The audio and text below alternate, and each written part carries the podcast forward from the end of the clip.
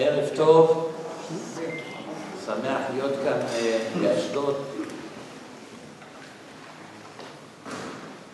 כבר הייתי לפני, אה, אני חושב, שנה בערך פה, במקום אחר. חנוכה נגמר, חוזרים לשגרה.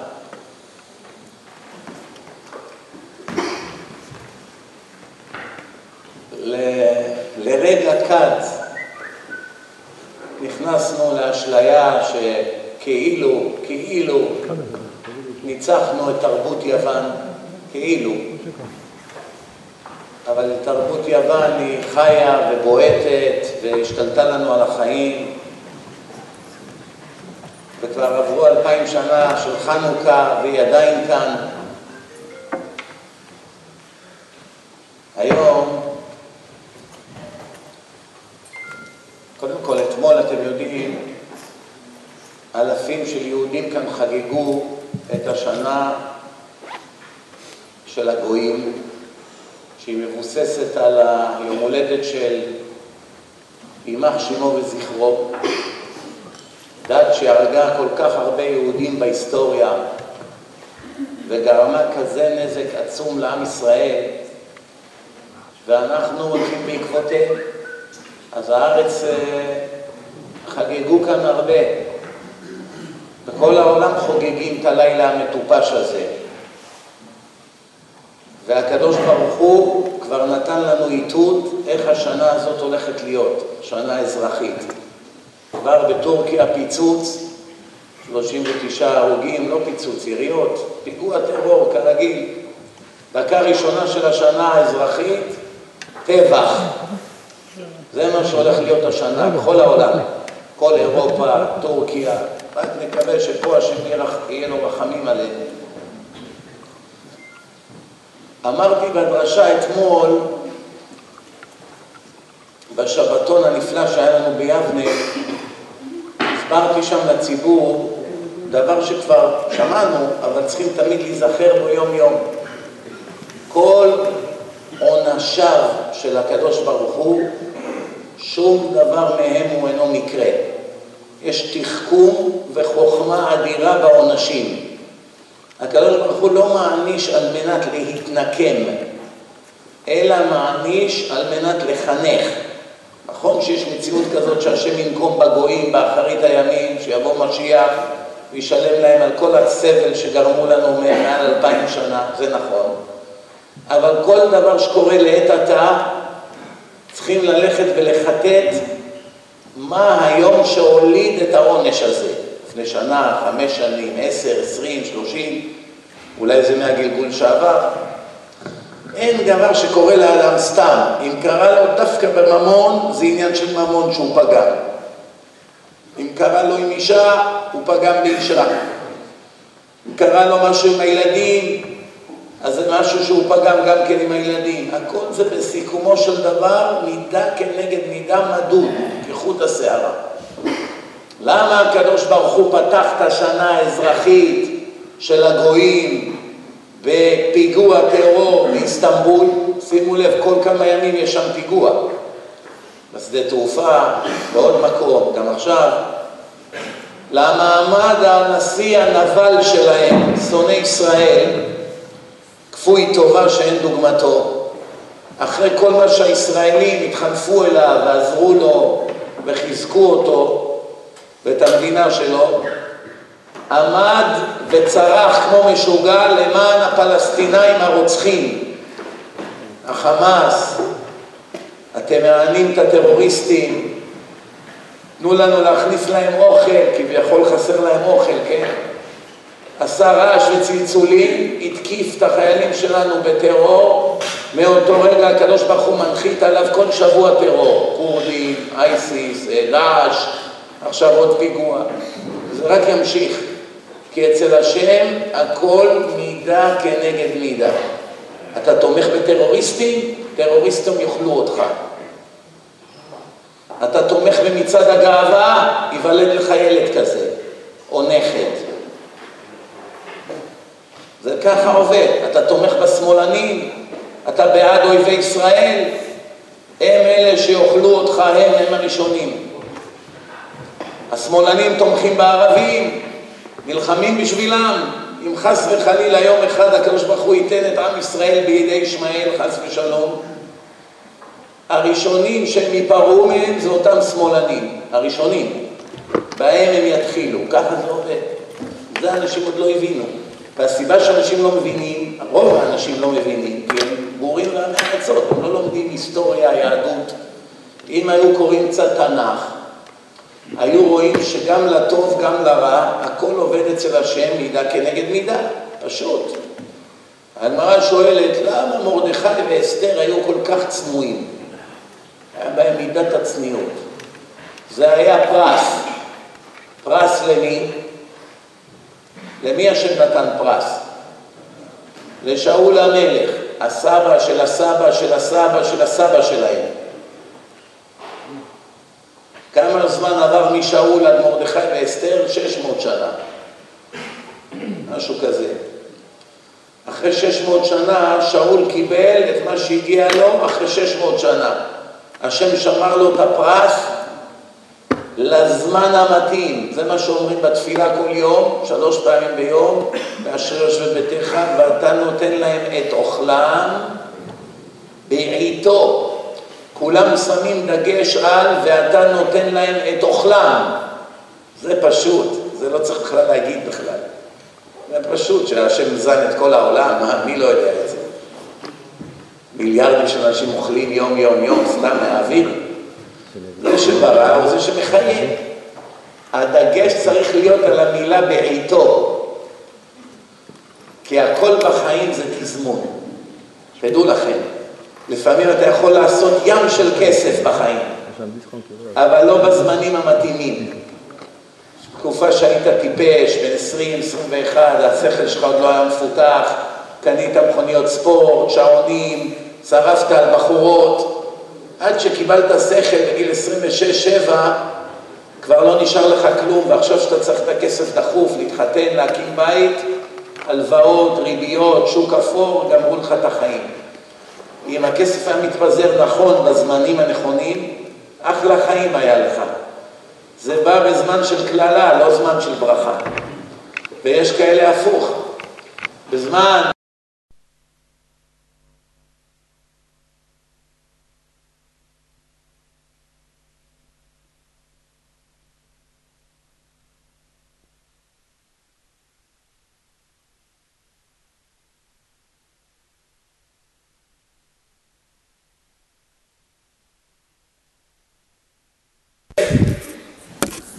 הנה כשהגיע הזמן, פתאום הכל השתחרר, פתאום בר מצווה לילד, פתאום כסף הגיע, פתאום לחתן את הילד, פתאום כסף הגיע. הכל הולך על הדגש ואתה נותן להם את אוכלם בעיתו. רואים שהמציאות היא ככה, המציאות היא ככה. חיזבאללה ירו עלינו טילים, מיררו לנו את החיים, כולם כאן חיו בפחד. מה השם עשה להם? בעל כורחם הם נאלצו ללכת להילחם בסוריה, אלפים מהם מתים. מתו, אלפים. אלפים מהם מתו. הכל מידה כנגד מידה. המצרים שנים תמכו בחמאס, מי גמר את המצרים? ריסק להם את הצורה? החמאס. החמאס היה כפוי טובה למצרים, מי ריסק אותם? המצרים, סגרו להם את המנהרות, הכל, הכל כאן בסוף הולך מידה כנגד מידה. אם אנחנו נעשה שלום עם השם, החיים פה יהיו גן עדן בעולם הזה. אם נמשיך להיות גויים, החיים פה יהפכו לגיהנום יותר גדול כל שבוע. היום קרתה פה טרגדיה נוראית. שמתי לב אני זוכר שהייתי חי כאן לפני הרבה שנים, כשאני הייתי נער אז, שחייתי כאן, אם היה קורה מה שקרה היום, כל הארץ הייתה מושבתת לכמה ימים בדיכאון ובאבל. אימא שלי למשל אז, בימים ההם, הייתה יושבת שבוע ובוכה. והיום היא חזרה לסדר היום אחרי שעתיים. למה? נהיינו שק חבטות, התרגלנו. אישה שרפה את עצמה עם ארבעת ילדיה. אתם יודעים איזה טרגדיה זאת? טרגדיה כזאת. לא יודע בדיוק מה קרה שם, עדיין לא התבררו כל הפרטים, אבל הם אומרים שזה התאבדות. אלפים של אנשים מתאבדים פה, אלפים. אף אחד כמעט לא מזכיר על זה מילה. מעבירים, עוברים לסדר היום, אלפים מתים מסמים. בעולם היהודי, לא, לא רק פה, גם בחוץ לארץ. מראש השנה מתו בניו יורק 120 ילדים מהרואין. דתיים. חילונים אין על זה מעקב. כי הם הולכים למקומות של גויים, אין כל כך מעקב עליהם. אני מדבר בעולם הדתי, מה שנקרא חרדי. אני לא יודע בדיוק ממי הוא חרד, אבל קוראים לו חרדי. מציאות שכבר לא מדברים על זה. כמעט כולם מתרגשים, נו, התרגלנו. מגפת סרטן, כל אדם שני שלישי חולה. נשים, אחת משמונה, התרגלו. כמעט כל בן אדם שבא לדבר איתי הוא במלחמות עקובות מדם עם ההורים של אשתו או עם ההורים שלו. משפחות אוכלות אחת את השנייה, התרגלו. היום אבא שלי אמר לי על אחד שהיה עובד איתו, כשאני הייתי ילד, הייתי הולך לעבודה, הוא גר פה באשדוד, הוא אומר לי, אולי תזכה שהוא יבוא לדרשה. אמרתי לו, לא ראיתי אותו שלושים שנה. אז אבא שלי אמר, אתה מאמין שמאז שהיית ילד עד היום הוא לא מדבר עם ההורים של אשתו? מעל שלושים שנה הוא לא מדבר איתם. וזה עוד אנשים טובים. תאר לך אם זה אנשים רעים, לאן זה מגיע כבר, השם ירחם. אישה שרפה את עצמה עם ארבעת ילדיה. אז אני שואל שאלה, נגיד שהיא הייתה בדיכאון עמוק. אדם שמתאבד לא עלינו, הוא נחשב כרוצח. אף על פי שהוא לא רצח אנשים זרים, הוא רצח את עצמו. החיים של האדם הם לא ברשותו, הם שייכים להשם. ואם אתה הורג את עצמך, דנים אותך כרוצח לכל דבר, כאילו הרגת מישהו זר. לא צריך לספר לכם העונש של רוצח בשמיים, כן? כתוב מפורש בתורה. אבל נגיד, יש לכל כלל יוצא מן הכלל. למשל, אדם ששקע בדיכאון עמוק. עמוק, מה פירוש דיכאון? יש לו עסק, לא אכפת לו, לא הולך. שישרף העסק, עסק של מיליונים. לא אכפת לו. לא אכפת לו לקבל כסף, חייבים לו כסף, לא אכפת לו. לא אכפת לו, אשתו תבוא הביתה, לא תבוא הביתה, לא אכפת לו עם הילדים בבית, הלכו, בית ספר, מבחנים, כלום לא אכפת לו. הגיע למצב שהוא חי, אבל בעצם הוא מת. אחד כזה שקפץ מהמרפסת, אין לו דין של רוצח. זה נקרא מחלת נפש. אחד שהוא חולה נפש, הוא לא בר דעת. עובדה, הנה, אתה רואה שלא אכפת לו לוותר על כל הכסף, על החיים, על הנישואים, על הכל. הוא שקע במראה שחורה. אחד כזה לא קוברים אותו מחוץ למחלקה של יהודים. הרי מאחד שאיבד את עצמו לדעת, מה שנקרא בימינו מתאבד, מתאבד, לא קוברים אותו בחלקה עם יהודים, צריך לעשות גדר ולקבור אותו בחלקה של מתאבדים. אי אפשר לקבור אותו עם יהודים רגילים. אלא אם כן, יש כמה סיבות שעבורם כן קוברים אותו. אחת, כתוב, למה כתוב בחז"ל איבד את עצמו לדעת? מה שייך המילה דעת פה? מה זה דעת? אם יש בו דעה או לא. אדם שוויתר על הכל, על החיים, על הכסף, על הילדים, על הכל, והוא שקוע במראה שחורה, לא אכפת לו מכלום, הוא איבד את הדעת. זה אי שפיות. אחד כזה זה לא נחשב איבד את עצמו לדעת, זה איבד את עצמו שלא לדעת. אחד כזה הוא לא רוצח, חולה. אנוס. או אחד שבמלחמה ידע שאם יתפסו אותו, יצטרכו עכשיו לשחרר אלפי רוצחים, כמו שעשו עם גלעד שליט, גיבור צה"ל, שחררו עבורו אלף רוצחים, שכבר הרגו הרבה יותר ישראלים עד היום, שעשו נגד התורה. התורה אומרת שלא משחררים שבוי ביותר מדמי שוויון, מה שהוא שווה. ואם עכשיו עבור הדם שלו יצטרכו לשלם בדם של עשרה ישראלים, איפה נשמע שנותנים עשרה בשביל להציל אחד? מה, הדם שלהם פחות משלו, אסור. אלא מה? עובדים עם הרגש, לא עובדים עם השכל. או איזה רב גדול שידע שאם עכשיו יתפסו אותו, יצטרכו לשלם עבורו סכום עתק כדי לשחרר אותו. אז כדי שזה לא יקרה, הוא העדיף למות. או אישה שעמדו לאנוס אותה, הגויים תפסו אותה, אייסיס, דאעש, כבר יודעת מה יקרה לה, מה שקרה לכל שאר הנשים, היא בעלה איזה רעל, אקנומיקה, משהו שקפצה מהחלון, היא לא נחשבת שהיא מתאבדת, להפך. זה הגמרא, יש, בגמרא יש מעצים שלקחו 400 ילדים, בנים ובנות לרומי, כדי שימכרו לזנות, הם קמרו כולם שמע ישראל וקפצו למים. גם בשואה היו 93 בנות של בנות יעקב, שהנאצים עמדו לעשות בהם את זממם, המורה הצליחה להבריח 93 כדורים, הם בלעו את הכדורים ביחד כולם, אמרו שמע ישראל, והלכו לגן עדן ביחד, כל הישיבה. אלה בוודאי לא נחשבים שהתאבדו או שאיבדו את עצמם לדעת, אלה גיבורים אלה. כמו שאול המלך ובניו, שאול העלה את שמואל באוב, לילה לפני שהוא נפטר, הוא ובניו. אמר לו, יש מחר מלחמה, מה יהיה? אמר לו, למחר אתה ובניך איתי כאן. כולכם באים אליי. וזה בדיוק מה שקרה. בניו מתו והוא גם קפץ על החרב. למה? הוא ידע, אם הוא יעשה ככה, היה מצב הרבה יותר גרוע של עם ישראל. אז זה, או שאדם פוחד מעינויים, למשל חייל במלחמה, הוא יודע שעכשיו הוא בלבנון, אם הוא ייפול בידיים של חיזבאללה, ברור לו שיענו אותו עינויי מוות, או בסוריה. מותר לו להרוג את עצמו כדי להינצל מהעינויים.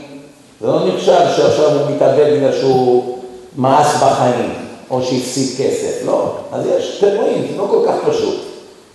מי שבאמת התאבד על שטות, היה לו עשרה מיליון, הפסיד שתי מיליון. יש לו עוד שמונה מיליון, התקפץ, התאבד. אחד כזה אפילו קדיש לא עוזר לו. מסכנים. מי שהתאבד בגלל אהבה נכזבת, התאהב באיזה גויה, קריסטין אמרה לו, I'm sorry, I cannot marry a Jew. הרג את עצמו, אחד כזה. הטיפשות שלו עלתה לו ביוקר. האישה הזאת שהיום התאבדה, השאלה שצריכים לשאול, למה היא הרגה יחד את, את ארבעת ילדיה? בואו נחשוב רגע ביחד. אפשרות אחת, בעוד יומיים שלוש הם כבר יגידו את זה בחדשות מסתם, אולי אפילו מחר. אפשרות ראשונה, כנראה שהיא במריבה עם בעלה, רבים על הילדים, מי ייקח את הילדים, והיא ראתה שהוא עומד לקחת לה את הילדים, אמרה, אתה רוצה לקחת לי את הילדים, אני אקח איתי את הילדים לעולם הבא. זו אפשרות אחת, זה קורה לפעמים. אפשרות שנייה, היא לא רצתה להשאיר את הילדים בלי אימא. זה לא פייר, מי יגדל אותם? עדיף שימותו. אפשרות שלישית, היא איבדה את השפיות שלה. היא ממש לא הרגישה. אם היו שם עוד עשרים איש, אולי גם אותם היא הייתה הורגת ושורפת. כבר ממש לא בר דעת. מה שלא יהיה, הילדים האלה עכשיו, ביום שהם באו לעולם, נגזר עליהם ככה למות, להישרף, כמו השבעה ילדים שנשרפו בברוקלין? לפני שלושה שבועות, ארבע שבועות, באמצע היום קיבלתי טלפון מאימא של הילדים שנשרפו בשבת בברוקלין. אתם זוכרים את זה לפני שנה? האימא שלהם התקשרה. היא אמרה לי, יש איזה אחד שהוא בעל תשובה שלך, שהוא מחפש אותי, לפני שאני מתקשרת לראות מה הוא רוצה ממני, רציתי להתקשר אליך לראות אם אתה יודע משהו על זה. אמרתי לו, מה הוא כבר רוצה? הוא כנראה רוצה לעזור לך, הוא בן אדם טוב, בעל חסד. בקיצור, דיברתי איתה בערך רבע שעה בטלפון, אז אתם יודעים, כשאתה שומע שהאישה הזאת בטלפון, אתה מתחיל לראות. אתה לא יודע מה להגיד, בטעות שלא תגיד איזה משהו לא במקום, כן? זה נושא רגיש מאוד, אישה שנשרפו לה שבעה ילדים. ילדים דתיים צדיקים מהחדר, מהתלמוד תורה.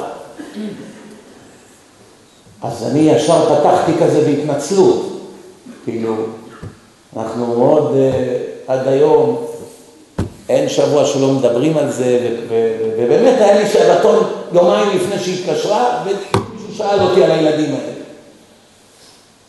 ישר חתכה אותי, אמרה לי, לא, חס ושלום, לא worry about me.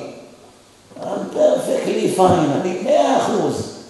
מה יש לדאוג? הם עם השם, מה אני צריכה להיות עצובה?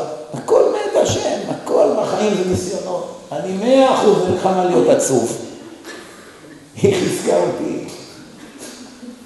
אני הייתי ככה מהסס מה להגיד, והיא פתחה בנאום של אמונה וביטחון. אין לך בכלל מה לדאוג, I'm perfectly fine, אני מאה אחוז. קיבלה את הגזירה באהבה. עכשיו הילדים האלה שנשרפים למוות, מה הסיבה? הרי הם לא חטאו. במיוחד אלה מהתלמוד תורה שרק עשו מצוות, כל יום למדו תורה, לחטוא הם לא הספיקו עדיין, כולם היו ילדים קטנים. היא סיפרה לי שהם היו תקופה גרים בארץ, ואז הם באו לאמריקה, ואז קרתה הטרגדיה. והיא סיפרה שהם היו בארץ, היא הייתה מסיעה אותם לבית ספר, והיא הייתה שמה דיסקים שלי, והם היו יושבים מאחורה בוון, והם היו יודעים איך שמתחילה הדרשה, ככה הם היו יושבים, שומעים. לא מפריעים. עד הדרשה היו רבים, ילדים באוטו. רק היה מתחיל, הם היו יושבים, שומעים, אם הייתה איזו בדיחה, הם היו מתגלגלים לצחוק. איך לא יקרה לך הלב שאתה שומע כזה סיפור? בקיצור, השאלה שלנו כזאת עכשיו, הילדים האלה, זה עונש? מה שהם קיבלו זה עונש? או שזה טבע? או שלמשל במקרה של האימא היום, היא החליטה לרצוח אותם, אין מה לעשות. יש לה בחירה והחליטה להרוג את הילדים יחד איתה. איך זה עובד, רבותיי? למה ילדים נהרגים ככה? למה? למה אנשים צדיקים נהרגים?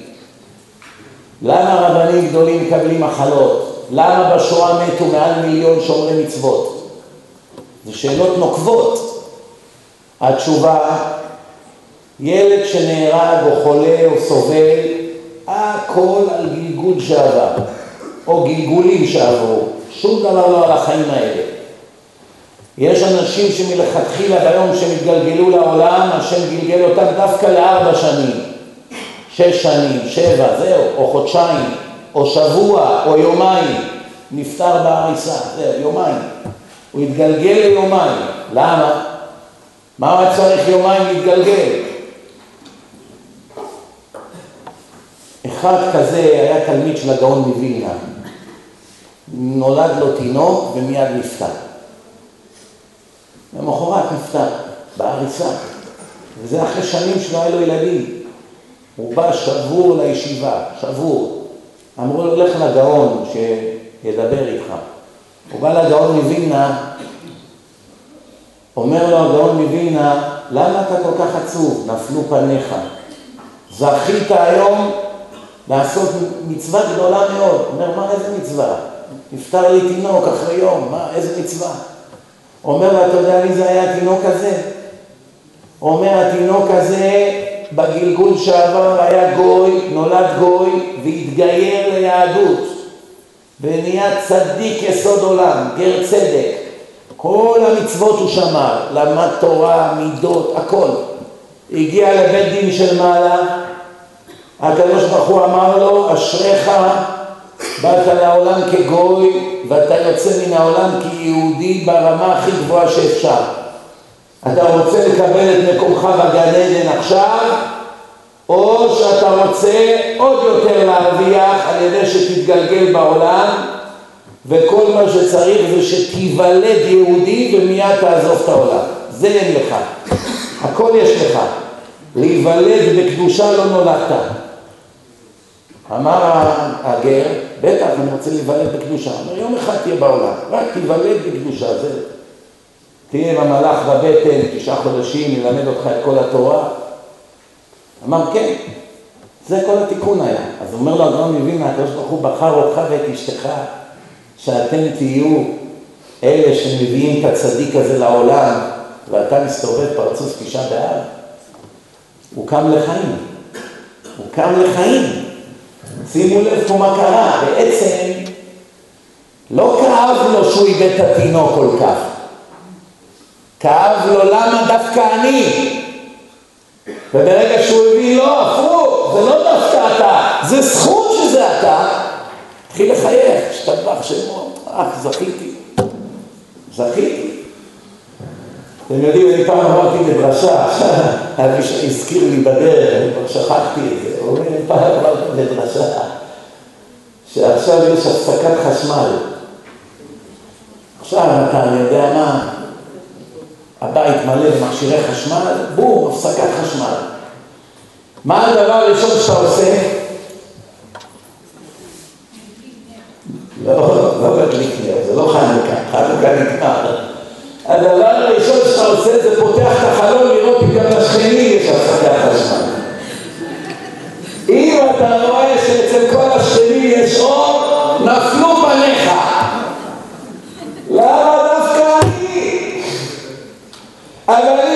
אם כל השכונה חושך, יש לך 80 אחוז הקלה. הפסקת חשמל. איך אומרים? צרת רבים, חצי נחמה. אותו דבר בבחינה, כשאני הייתי בבית ספר יסודי, אתם יודעים, היו עושים בחינות, ואז המורה קורא את הציונים. אז היו מתחילים. מתחיל, ראשון, שני, שלישי, הראשון ככה, שני, שלישי, היה מגיע אליי, מזרחי, עשרים. עכשיו, איך אומרים, קיבלתי כזאת צביטה בלב, אבל עכשיו הכל תלוי מה יהיה הלאה. אם אחרי זה אומר, אוחיון, עשרים, הצביטה קצת פחות כואבת. כהן, עשרים וחמש, השתבח שמו. יצחק, ארבעים, טוב מאוד, keep going. אבל אם היה אומר, אוחיון, תשעים, ליבוביץ', מאה, יצחקוב, תשעים ושתיים, רק מזרח עשרים. כל הדרך הביתה, אבל וחפוי ראש. מה אני אגיד להורים עכשיו? נגד, עכשיו אני בא להורים, אומר, אל תדאג, אבא, כולם קיבלו עשרים. זה אשמת המורה. אבל אתה עכשיו רוצה להיות רופא. כל אלה שניגשו לבחינה נכשלו. מה זה יעזור לך? הרי אתה נהיה עכשיו מנקה רחובות במקום להיות רופא. תהיה מנקה רחובות, זהו, מצאת עבודה, אין מה לעשות, אתה. עכשיו אתה שוטף אה, חדרי מדרגות. אומר לעצמך, חבל, כמעט ונהייתי רופא. מה זה משנה אם החברים שלך מהבית ספר נהיו רופאים או לא נהיו רופאים? מה זה משפיע עליך? מה זה משפיע עליך? אותו דבר בחילוניות. כשאדם רואה שכולם ככה, הוא מתחזק בדרכו. מה, כולם טועים? כן. מה, זו פעם ראשונה שכולם טועים? כולם חיים בשקט. וזה היום הנושא של ההרצאה, חיים בשקט. מי כאן יכול להרים את היד ולהגיד שבחודש האחרון הוא לא שיקר?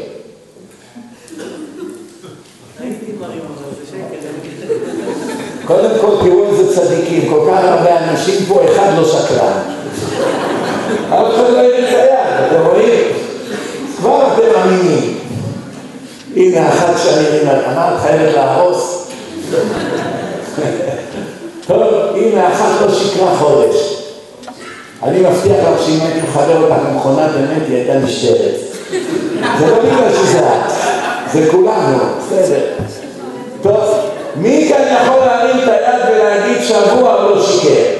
אבל יש הבדל בשקרים, לא? תלוי איזה שקר. איך נדבר על זה? זה הנושא היום. שבוע לא שיקרת? אחרי הברכה, אחרי השיעור תבואי, אני צריך ברכה דחוף. שבוע לא שיקרה. מי יכול להגיד שב-24 שעות האחרונות הוא לא שיקר? שני ידיים. מי יכול להגיד שהיום הוא לא שיקר מהבוקר? שלוש. מי יכול להגיד שבשעה האחרונה הוא לא שיקר? עשרה אנשים. אז אתם רואים, מעל 90 אחוז פה, אנשים אמינים. הרב שלמה זלמן אורבך, זכר צדיק לברכה, שמע שיש איזה זקן ששחררו אותו מהבית חולים ואין לו איפה לגור. והיה קור כלבים בירושלים. אתמול היינו בבאר שבע, איזה קור היה בלילה. באר שבע מילה קור של ניו יורק. היה קר מאוד בירושלים, אמרו לרב שלמה זלמן אורבך, יש את הזקן הזה, שחררו אותו מבית חולים, הוא היה מושפע, זה היה לו חימום הכל, עכשיו הוא מסכן ברחוב, ואיזה קור, אימים, יש גל של קור. אז אחד התלמידים אמר לו, כבוד הרב, אני, אל תדאג, אני אלך להחזיר אותו לבית חולים. אני אכניס אותו חזרה לאשפוז. אז אמר לו הרב שלמה זלמן אורבך, השם יהיה בעזרך, תדאג לו לזקן הזה, שיהיה לו איפה לישון הלילה. אז התלמיד הזה הלך לבית חולים, איך אומרים, סיבן אותם בשיטה הישראלית והכניס את הזקן לעוד יומיים אשפוז. מה, שחררתם אותו, נתבע אתכם, זה, נכנסו ללחץ, הכניס אותו. עכשיו הוא חוזר לישיבה, כולו חיוך. חייך ככה מבסוט, למה? עשה מצווה. הזקן היה כופה ברחוב, עכשיו הוא במקום חם, עם אוכל, מטפלים בו. אז הוא הרגיש טוב. נכון או לא? עשה מצווה או לא? מסתכל עליו הרב ואומר לו, תגיד לי, אני לא מבין למה אתה צוחק. מה אתה כזה מאושר? אומר לו, כבוד הרב, דאגתי לזקן שיהיה לו איפה לישון, איך הייתי יושן בלילה אם הוא היה ברחוב? אז הוא אמר לו, אבל נאלצת לשקר עבור זה. איך אתה כזה שמח? מה זה, קל בעיניך לשקר? שמותר. פה היה מותר, פיקוח נפש, הזקן ימות, יקפא. מותר לשקר אותם, להכניס אותו פנימה, שייתנו לו מיטה ריקה. במקרה הזה מותר, כמו שאמרת, לא כל שקר דומה, יש שקרים שהם מצווה. בא אחד ערבי רוצה לרצוח אותך. אז מה כן, בוא, בוא, אני, אני, אני יהודי, בוא, בוא, אחמד, אני פה, אני מתחבר, בוא. יש כוח נפש, בסדר. אומר לו, אבל נאלצת לשקר. אדם צדיק, כשהוא נאלץ לשקר, זה אוכל אותו מבפנים. האדם שהוא לא כל כך צדיק, הוא במילא משקר על שטויות. אז מה יאכל אותו כשהוא משקר בפיקוח נפש? על דברים של שתי דולר הוא משקר. מה אכפת לו לשקר על פיקוח נפש? זה בכלל לא מזיז לו. על דברים שאסור לשקר הוא משקר וזה לא מזיז לו. התרגל, תרבות השקר. אני רוצה לשאול אתכם שאלה, תענו לי בכנות. מהי לדעתכם, מה הן לדעתכם כל הסיבות שאדם בגללם משקר? בואו נעבור אחד אחד. מה הן הסיבות? אינטרס, צודק, אינטרס, הוא רוצה להשיג משהו שעל ידי שיאמר את האמת לא ייתנו לו, לצורך תועלת אישית הוא משקר. זו סיבה מאוד נפוצה. מה הלאה? יש אנשים שמשקרים, הם סתם משקרים כי הם רגילים. גאווה, גאווה, רגילים. אתה אומר הרגל. בלי שיהיה להם בזה שום תועלת, פשוט יתרגלו. מה הוא אמר? לא שמעתי. כסף זה תועלת אישית, זה מה שהראשון אמר. גאווה, גאווה. אגב, בן אדם הוא... הוא משקר, לא נותן, לא נותן לזה כלום לא. אבל זה אז אתה אומר, משקר מתוך הרגל, גם אם הוא לא משיג שום דבר בזה, סתם נהנה לשקר, תתרגל. גאווה, רוצה כבוד, אז הוא אומר שהוא מיליונר. אומר, אני הייתי עובד אצל דונלד טראמפ. למה הוא מספר את זה עכשיו? כי עשו לו כבוד. מה? אתה מכיר אותו? אתם עוד בקשר? בטח, מה, אני מרים לו טלפון סחבקי. ישר הוא בא איתי לשיפודיה בתקווה. בדקה אני מביא אותו. אתם יודעים איך זה, חפש כבוד. מה עוד? פחד. זה בדרך כלל אצל ילדים. הוא בא הביתה, איך היה בבחינה? המורה לא בא, היה חולה. כל, כל השנה המורה חולה. אבל אבא שלו כל כך שקוע בשטויות שלו, שהוא אפילו לא זוכר כמה פעמים המורה היה חולה השנה. אז הילד פוחד מאבא, ייתן לו איזה פליק, עונש, ייקח לו את האופניים, יצעק עליו, יקרא לו טיפש, יוריד לו את הביטחון. אז מהפחד הזה הוא משקר. מה עם עוד הסיבות? מה? בושה, כדי למנוע בושה. זה אפשר להגיד שזה קשור למה שאמרנו כרגע. פחד, בושה, זה הולך ביחד בדרך כלל. מה הם הסיבות?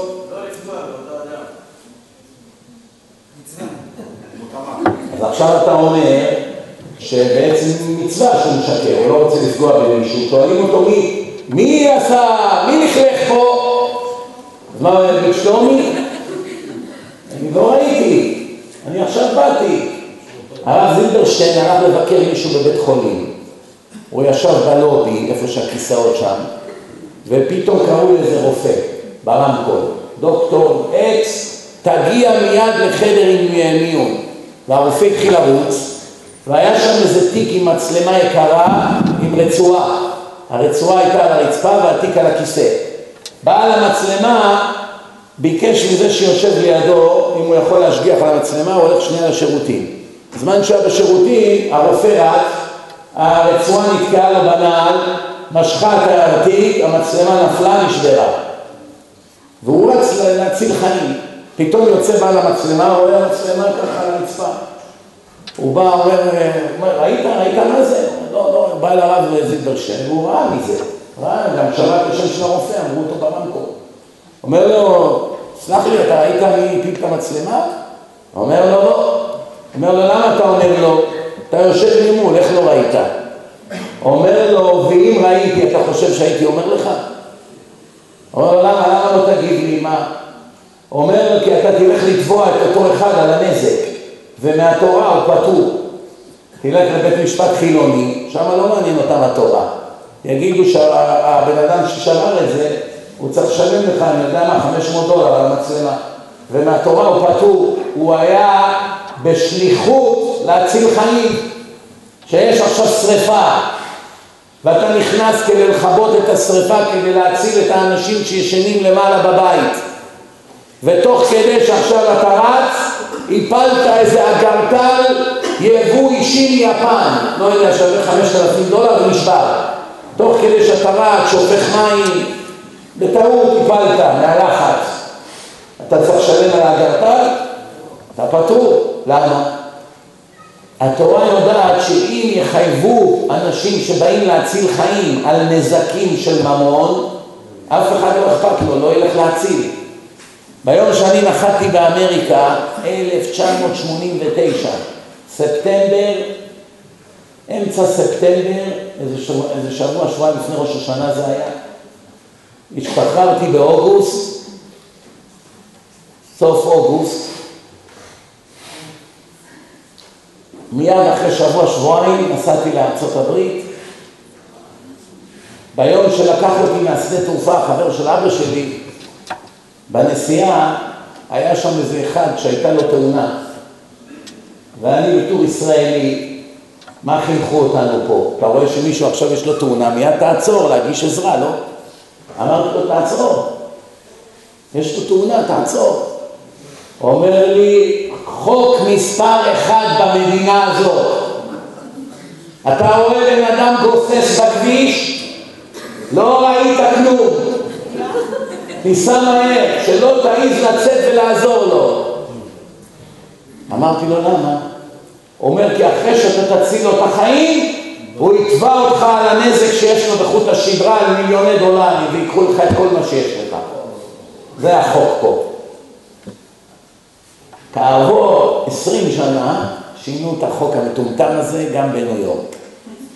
אז אפשר לעצור. אבל יש היום בעיה אחרת. למה גם היום אי אפשר לעצור? אולי זה שודד. עומדים עוד איזה שתיים מתחבאים עם אקדחים, עושה את עצמו, הדלת של האוטו פתוח, הוא שוכב ככה על הרצפה, מיד איזה תמים אחד יוצא, Sir, you okay? מיד בא מישהו מאחורה, שם לך אקדח בראש, השני גונב את האוטו, השני, השני מכניס אותך לאוטו, שודדים אותך, זורקים אותך באיזשהו מקום, אונסים אותך, לא יודע מה, חסר. כמה פעמים נתנו פה טרמפ לחיילים והתגלו כמחבלים, מחופשים או לחרדים? נהיה סכנה, אתה לא יכול לדעת כבר. דרך אגב, זה מציל את כל האגואיסטים. זה שכמה פעמים נתנו טרמפים לחרדים או לחיילים ובסוף זה היה מחבל מחופש, בזכות זה כל האגואיסטים האנוכיים שלא עוצרים לאף אחד טרמפ, כולם ינצחו ביום הדין בזכות הטענה הזאת. תזכרו את זה. שתגיעו לשמיים ויראו לך חמישים אלף פעם שעמדת וראית חיילים וראית חרדים עומדים בתחנה ומחפשים טרמפ ולא עצרת להם, כל פעם שלא עצרת להם זה עבירה מהתורה. אבל אתה ניצל בטענה שעכשיו לימדתי אותך. הקדוש ברוך הוא מחילה, לא יכולתי לעצור, פחדתי שזה אולי מחבל, פיקוח נפש. מיד ניצלת מחמשת אלפים עבירות. תזכרו את זה, צריך להיות מלומד כדי לדעת מה לענות ביום הדין. אם לא תדע, תתחיל לגמגם. למה לא עצרת? ראית תלמידי ישיבה בדרך לירושלים. אתה נוסע עם אוטו ריק, איזה לב יש לך? הם יעמדו פה עוד שלוש שעות בגשם, בחום. יכולת להעלות אותם עכשיו, הם נכנסים לישיבה, לומדים, עכשיו הם סובלים חצי יום. מה היית עונה? עכשיו אתה יכול להגיד לזה, הקדוש ברוך הוא, אולי זה פיתיון של איזה מחבל, לפחות אתה ניצל. דרך אגב, מי שלוקח טרנד, איזה מצווה זאת? הכנסת אורחים. האוטו שלך זה כמו הבית שלך, זה רשותך, אתה מכניס אורח. שתיים, חסד.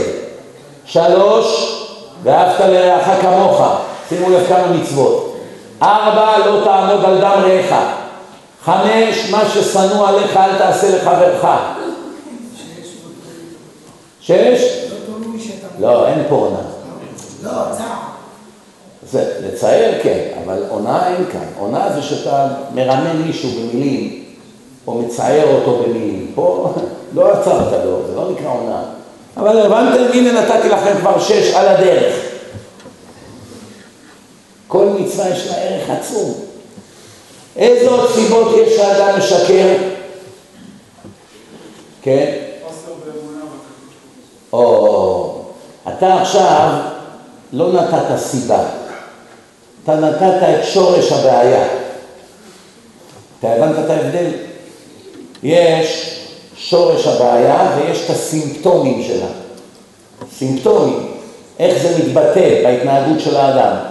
למשל, אדם שמשקר בשביל כבוד, מה השורש של הבעיה? חוסר אמונה בהשם. אדם שמשקר כדי לקבל כסף, טובות הנאה, מה הבעיה בזה? חוסר אמונה בהשם.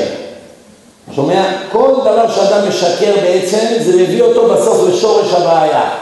כל העבירות תמיד בסוף מגיעות לחוסר אמונה וחוסר ביטחון בהשם. אם אדם היה לו מאה אחוז אמונה וביטחון בהשם,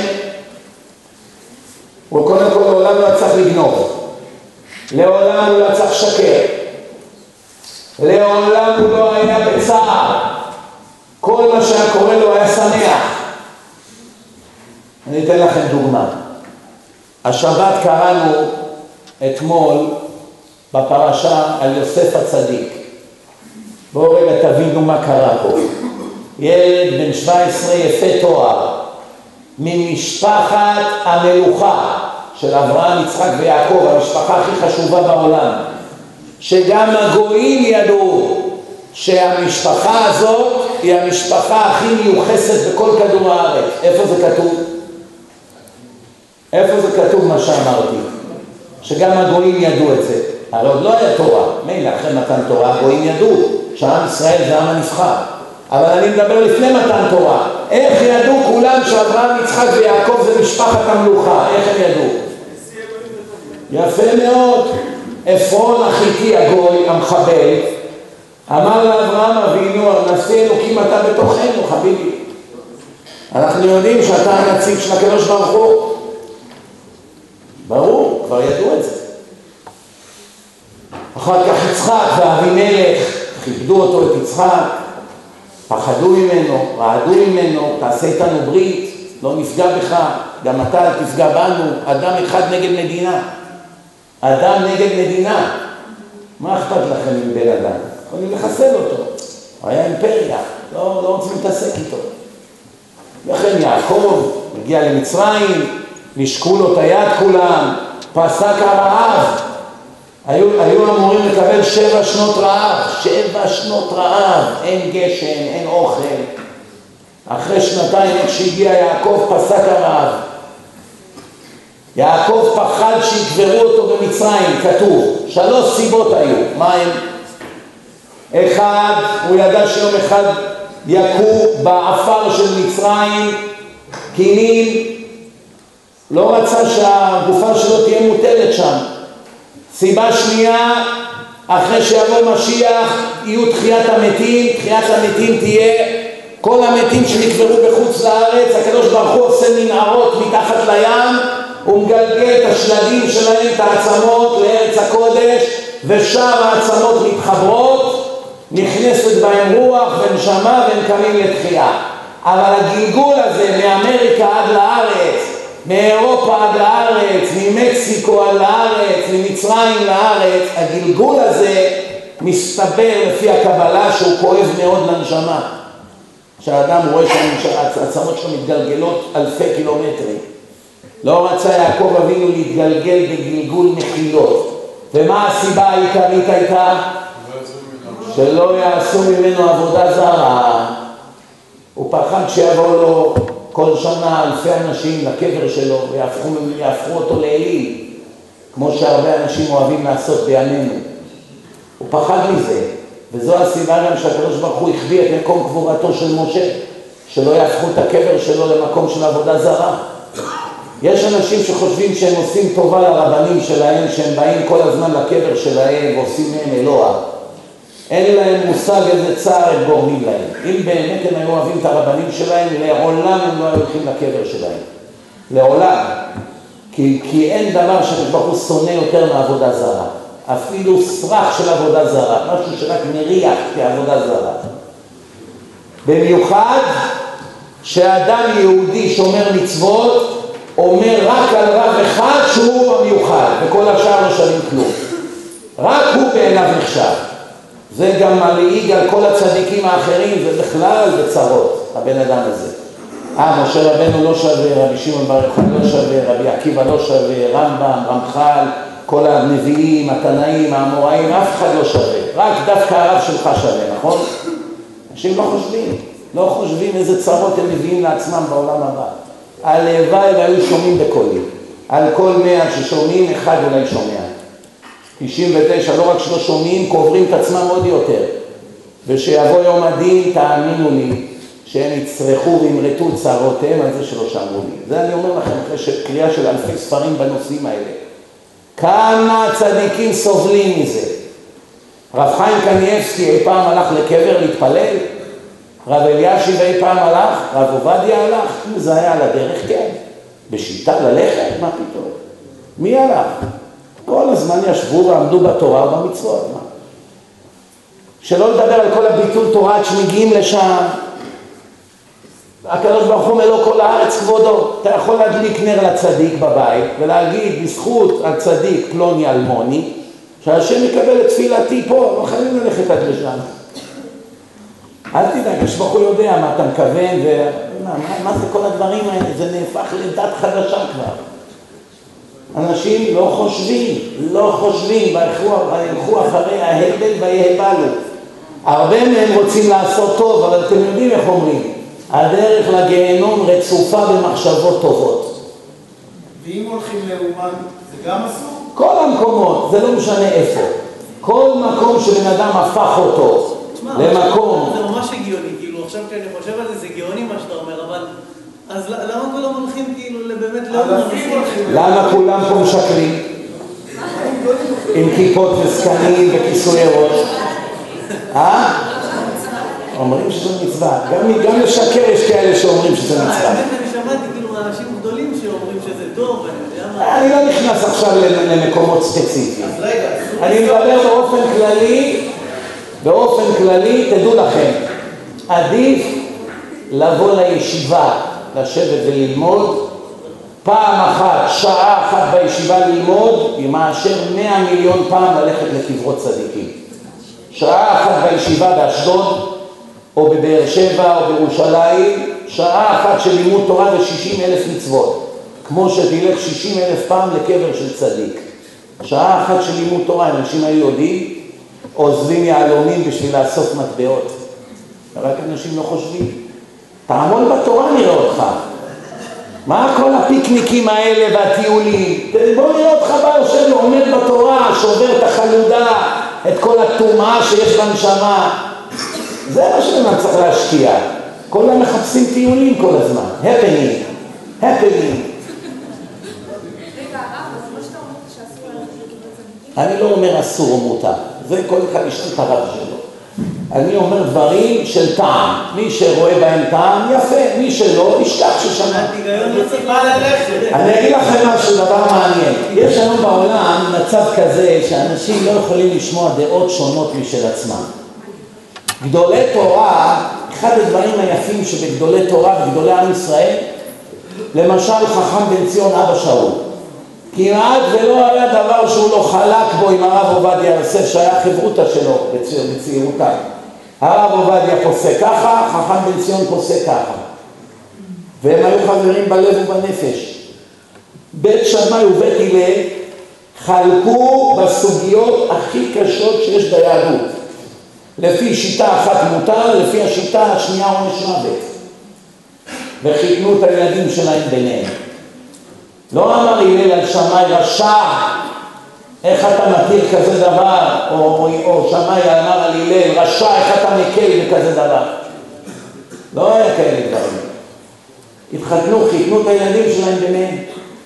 שומעים? למה? כי ידעו כולם, מתווכחים פה על תורה.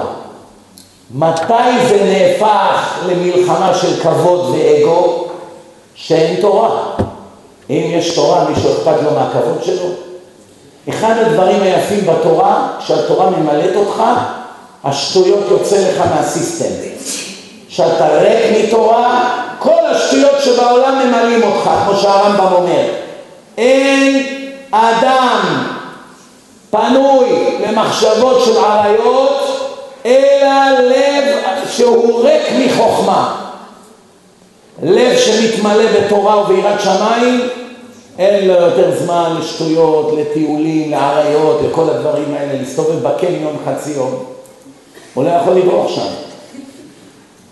אבל כשאין לו תורה, רק שם הוא רוצה להיות. רק במקומות האלה הוא רוצה להיות. למה? כי הוא ריק מתורה. נכנס תורה, יוצא כל הבבלת. אין תורה, אין דבר שלילי שלא ייכנס בך.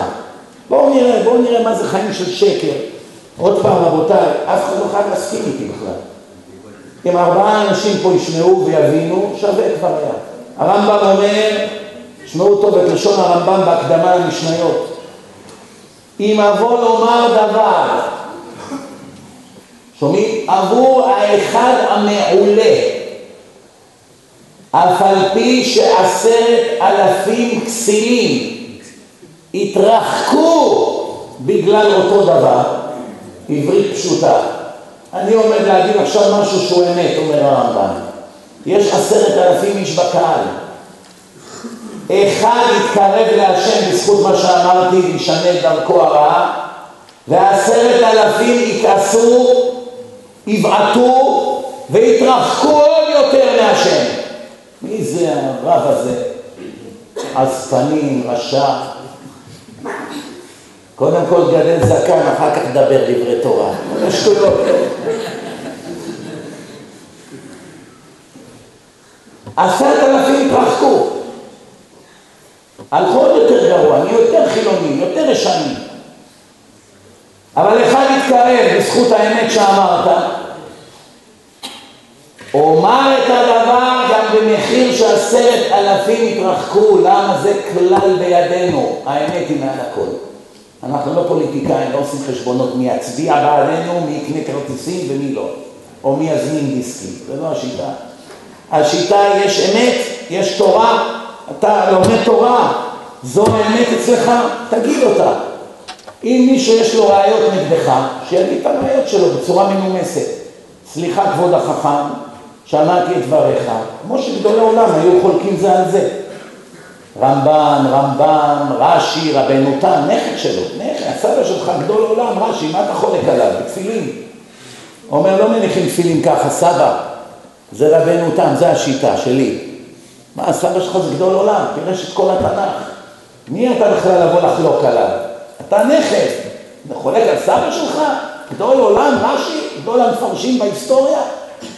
כן, מה יש? אני גם תלמיד חכם, למדתי תורה כל החיים, ואני ראיות שלי הם ככה, והוא הראיות שלו ככה, הוא לא מכריע אותי, אני לא מכריע אותו, שיבוא אליהו הנביא, לי צדק, זה התורה, זה ככה השם רצה שיהיה. והפוך בה והפוך בה וכולה בה. אתה מביא ראיות לצד שלך, תשמיע אותן, בצורה מנומסת, למה צריך לקלל ולגדל? שמעתי את דבריך, סעיף ב', סעיף ד', סעיף ו', אינם מקובלים עליי, והסיבה היא ככה, אמרת ככה, זה לא נכון, אמרת ככה, זה לא מדויק, אמרת שכתוב ככה, לא מצאתי שבאמת כתוב ככה. מותר, מה יש? ואחרי זה תתחבק איתו, ונגמר הסיפור. ואם צריך לחתן את הילדים, אז תחתן את הילדים, מה קרה? למה צריך להפך לשונאים, חסר לשונאים לעם ישראל? הכל אגו. הכל אגו. מה, הוא צודק? מה, הוא יהיה צודק? הוא יהרוס לי את השיטה? מה יש? אמרת את דבריך, הוא אמר את דבריו, תן לבן אדם להחליט באיזה דרך רוצה ללך. דרך אגב, אתם צריכים לדעת, היהדות מחולקת להרבה קבוצות. כתוב בגמרא שלפני ביאת משיח, האמת תהיה נעדרת. למה חכמים השתמשו בביטוי האמת תהיה נעדרת?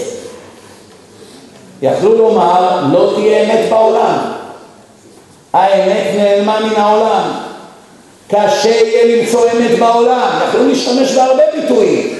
למה השתמשו במילה האמת תהיה נעדרת מלשון עדרים עדרים? קבוצה כזאת, קבוצה כזאת, קבוצה כזאת, קבוצה כזאת, קבוצה כזאת, כל אחד יש לו איזה אמת מיוחדת. אם אתה לא אחד משלנו, אתה כלום. אתה לא יהודי אתה, אתה רשע, אתה שייגץ. זה בדיוק התוכנית של השטן. ככה הוא הורס את כולם במכה. אף אחד מהקבוצות לא תזכה בסוף. היחידים שיזכו, יש לך שיטה, הלכת בשיטה הזאת, כיבדת את שאר השיטות בתורה, אדרבה, זה לא גרם לך לשנאת חינם, לא לכלכת על אנשים באינטרנט, לא ויזית תלמידי חכמים, מספיק שפעם אחת אתה מבזה תלמיד חכם שמוחזק לאדם ירא שמיים, לא מחלל שבת, לא רוצח אנשים, לא גנב, לא נתפס על עריות, לא עשה את כל הדברים הנוראים האלה שחלק כן עושים, אז יש לו שם נקי. זה שאתה לא מסכים עם הדעות שלו בכלל, זה לא מתאים לך לרצוח אותו באינטרנט. רציחה אחת, שתי שורות, איבדת ודאי את העולם הבא שלך.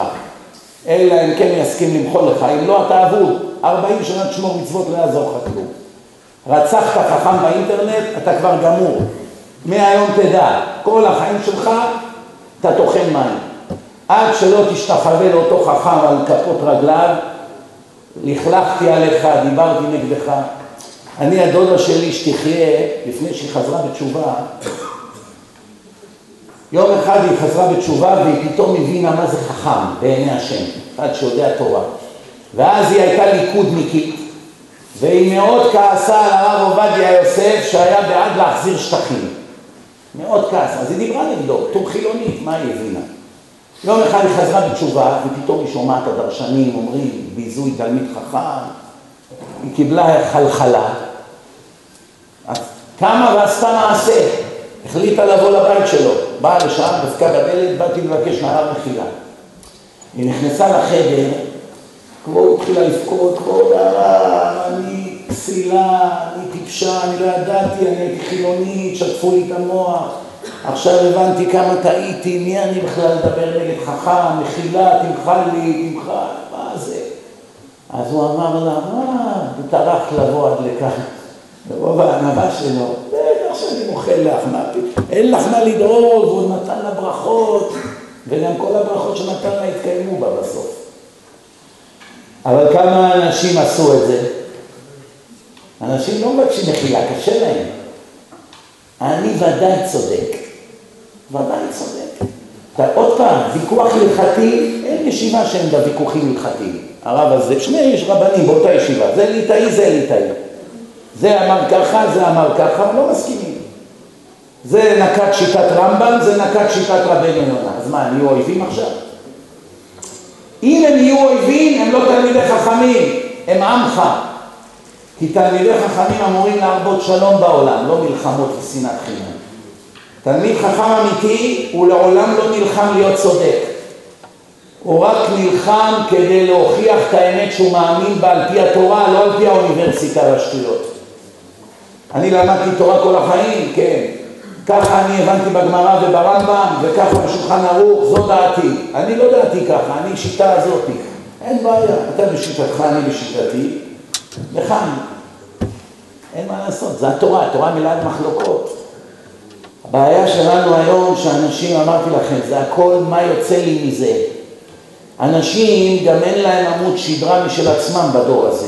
כל אחד משייך את עצמו לאיזה קבוצה כי אין לו באמת דעות משל עצמו. מישהו דחף אותו לשם ועכשיו מה שאומרים שם שוטפים לו את המוח וזה מה שהוא מאמין. גם קשה לבוא ולדבר איתו בראיות תורניות כי הוא במילא לא מבין. כי הוא לא לומד. כי רוב האנשים שחזרו בתשובה לא לומדים אפילו שעה בשבוע תורה. לא לומדים. אני מדבר כל הזמן עם אנשים. אני בא לפה כל כמה חודשים, חודשיים שלוש. אחרי הדרשות באים אנשים, אתה לומד כל יום תורה, משתדל. משתדל. אוקיי, מה זה משתדל? יום כן, שלושה ימים לא. וכשאתה לומד כמה זמן? חצי שעה, רבע שעה. איך תתקדם? אחרי עשרים שנה עדיין עם הג'ינס, עם החורים, עם החולצות, עם כל הקשקושים של הגויים. עשרים שנה שומר שבת. לא יתקדם מילימטר. לא יתקדם מילימטר. מדבר בקללות של הרחוב. שמעצבנים אותו, מוכן לרצוח אותך. רגע של עצבים הוא עוד מעט ישלוף סכין. הוא הולך לאיזה שדה תעופה, מתחיל לקלל את הגויים שם, עושה חילול השם, עושה שם רע לכל היהודים בעולם, כי הוא נשאר אותו צ'חצ'ח שהוא היה לפני עשרים שנה. אותו דבר בדיוק. אז מה אני אגיד על זקן? מה זה זקן? זקן זה בחינם. מייחסים לזקן חשיבות כאילו זה עשרת הדיברות. בתורה רק כתוב שאסור לגלח את הזקן בתער, זהו. כל שאר הדברים מותר. סכין. אם היה אסור בכלל לגלח, אז התורה הייתה אומרת לא לגעת בזקן בכלל, שום דרך. מזה שהתורה אמרה שאסור לגלח בתער, רשמה בכל שאר השיטות מותר. ולארי הקדוש, שהיה המקובל הכי גדול בהיסטוריה, היו תלמידים מגולחים. למי שמכם לא ידע. והבן איש חי מפרש בארי שמותר לגלח את הזקן, והוא היה המקובל הכי גדול, הבן איש חי, במאה השנה האחרונות. האנשים לא יודעים, פשוט לא יודעים, אז הם ישמעו איזה מישהו, איזה חסיד שאמר להם משהו, והם לוקחים את זה כתורה מסיני, והם לא יודעים שהם טועים, והם מוציאים שם רע לאנשים, ועושים עבירות של, של רכילות, ולשון הרע, והוצאת שם רע, ושנאת חינם, ולא תשנא את אחיך בלבבך, וכל מיני דברים כאלה, על דבר שהוא אפילו לא דאורייתא ואפילו לא דרבנן.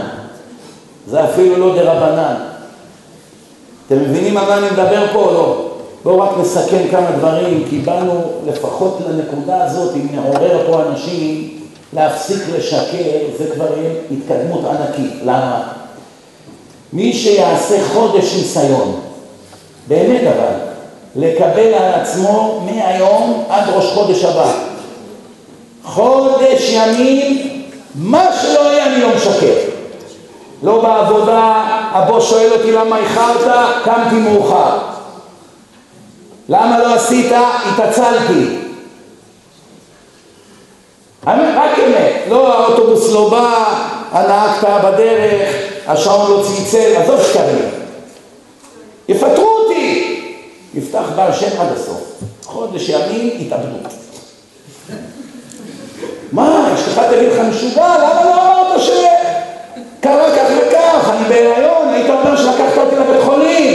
לא משקר. הנה, אז מה הרווחנו עכשיו? פיטרו אותך, עכשיו לא יהיה לנו מה לשלם את השכר דירה. לא יכול להיות לעולם, לעולם, שאדם יעשה משהו שמשמח את השם, ועבור זה השם יעניש אותו. לא יכול להיות כזה דבר. ומי שכאן יושב וחושב שעל ידי שיפסיק לשקר הוא יפסיק, הוא אפילו לא התחיל להיות שומר מצוות.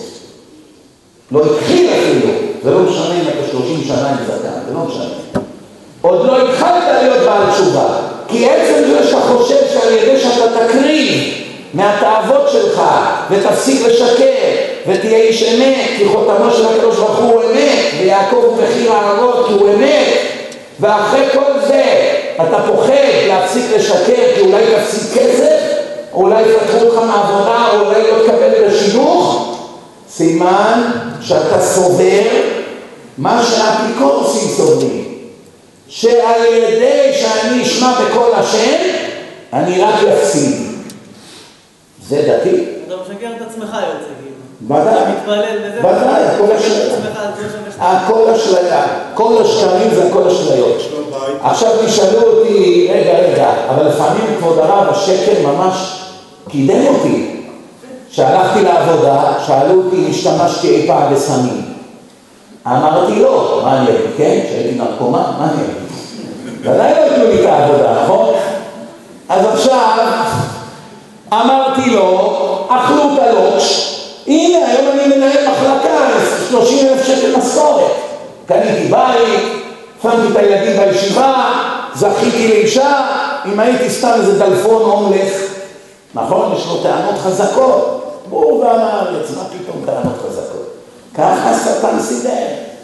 שהוא מראה לך בעיניים שעל ידי השקר אתה מתקדם, כדי שתמשיך לשקר. מה חשבתם? השטן הוא הסוחר סמים הכי ממולח שהיה מבריאת העולם. מה משותף לשטן ולסוחר סמים? מי יודע?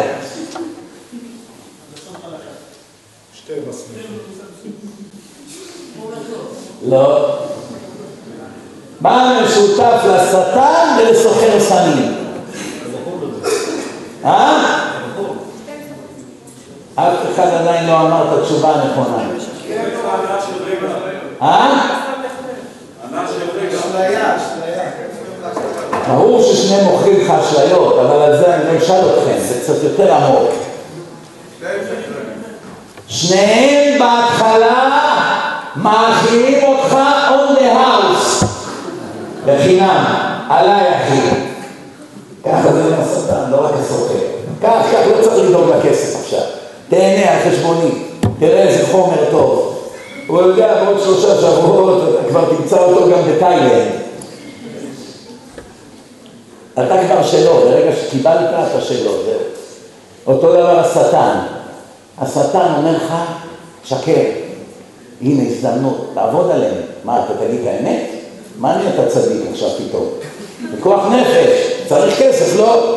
כל העניינים של הפרנסה היום בעיני העם זה פיקוח נפש, מעניין. אומר לך השטן, יאללה, אה, שקר אחד, דיג דיג, עוד חודש יראו שאתה פועל טוב, אם אכפת להם יש ששיקרת, עוד חודש תגיד להם שהיית פעם נרקומן. לפחות הם יודעים שאתה פועל טוב עכשיו, נכון? כל זה עובר לך בראש. מצווה, מצווה. שקר לשם שלום. שאשתי לא תתעצבן, שלא תהיה עצובה. השטן מביא לך 500 טיעונים למה מצווה לשקר. עכשיו שאתה משקר, חכה, השטן עוד לא עוזב אותך. הוא מראה לך איך השקר משתלם, כדי שתמשיך כל החיים לשקר. אתה מקבל קידום, מעלים לך את המשכורת, אחרי שנה נהיית מנהל, ותמיד אתה חושב, אם לא השקרים הממולחים שלי, איפה הייתי היום? רק מה שאתה לא יודע זה שאם לא היית משקר, לא היית מקבל את העבודה, נכון? בעוד חודש היית מקבל עבודה פי עשר יותר טובה. היית מכיר איזה עשיר, ונכנס איתך שותפות, ואחרי שנה כבר היית יושב על מיליונים. ועכשיו כל החיים תעבוד בשביל 30 שק, אלף שקל לחודש, שמס הכנסה לקח חצי, ועם 15 אלף שקל, איך אומרים, אתה מגרה את הקירות. ואתה חושב, איזה מזל, יש לי משכורת טובה, ואם לא היית משקר, כל החיים שלך הם נראים אחרת. וזה מה שאנשים לא מבינים. שקר וצחוק, כאילו מתיחה. אם אומרים מיד שזה היה צחוק, ניחא, אבל לא כדאי להתרגל לזה. כתוב שאם בן אדם שם מפתחות על השולחן של האוטו, והוא מסתובב עכשיו, הלך, ואתה לוקח ושם בכיס, והוא בא, איפה המפתחות של האוטו שלי? לא יודע, לא ראיתי. וכולם ככה צוחקים, החבר'ה, והוא משתגע, מתקשר לאשתו, שאלתי את המפתחות, איך נשארת, יא אבא, אתה הרי הגעת לחבר שלך. אז הוא משתגע, איפה המפתחות? חבר'ה, מה? אחרי חצי שעה שינינו אותו, מוציא לו את המפתחות, קח, יא טמבל, מה אתה שם את המפתחות? בינתיים זה בזבוז זמן, זה גזל של זמן, זה הונאה, זה צער. נכשלת פה בייסורים מדאורייתא.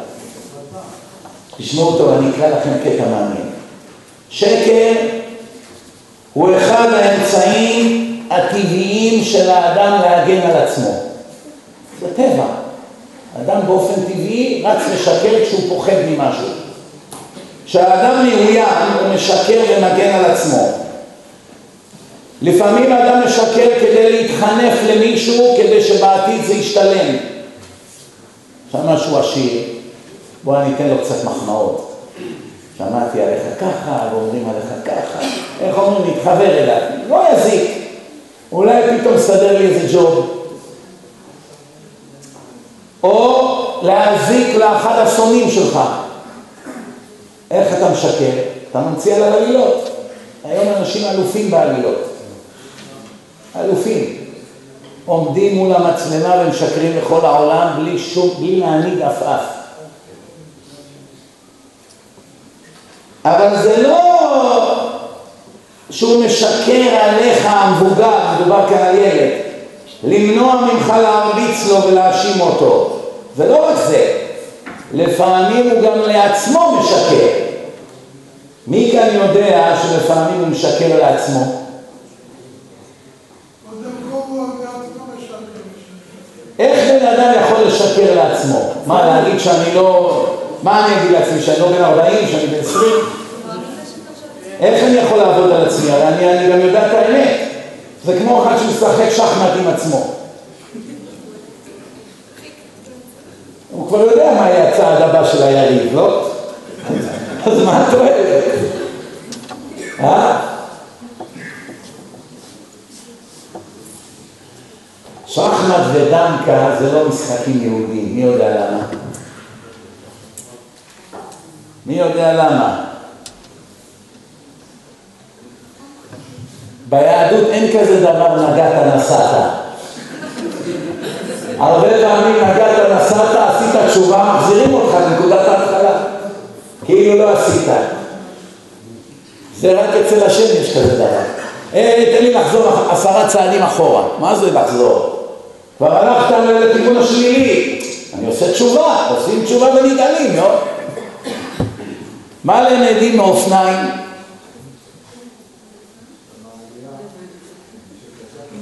בעלייה, שקשה לך, סימן שאתה בעלייה. שקשה, סימן שאתה עכשיו עולה. שקל, אתה בירידה, חביבי. משהו פה לא עובד. אם פתאום יש לך חודש קל, אתה בדרך למטה. אדם לעמל יולד, וזה עמל כל דקה בחיים. אין, כתוב ביקש יעקב להישב בשלווה. לא עכשיו מדובר שהוא רצה ללכת לחוף הים באשדוד, חוף הדתיים, עד יום מותו. לא, לא, זה לא הכוונה ביקש להישב בשלווה. הוא הרי היה לומד תורה כל יום, הוא מתרגל 14 שנה למד אצל שם ועבר. מה זה ביקש יעקב להישב בשלווה? איך אומרים? אנסו לי בת, חטפו לי בן, אח שלי בא לרצוח אותי, גמרתי עכשיו להיות זקן, בלי מלחמות, בלי טרגדיות, לעבוד את השם בשלווה. מיד קפץ עליו רובזו של יוסף. רעב, כל מיני בעיות שהיו. אומר הקדוש ברוך הוא לא מספיק שאתה הולך לשבת בשלווה לחיי הנצח בעולם הבא, אתה עוד רוצה בעולם הזה שלווה? מה יש? לא באת בשביל שלווה. זה מה שרוב האנשים מחפשים, שלווה. יוסף הצדיק, גיל 17, טרגדיה נוראית, זורקים אותו האחים שלו. הוא לא יראה את הוריו,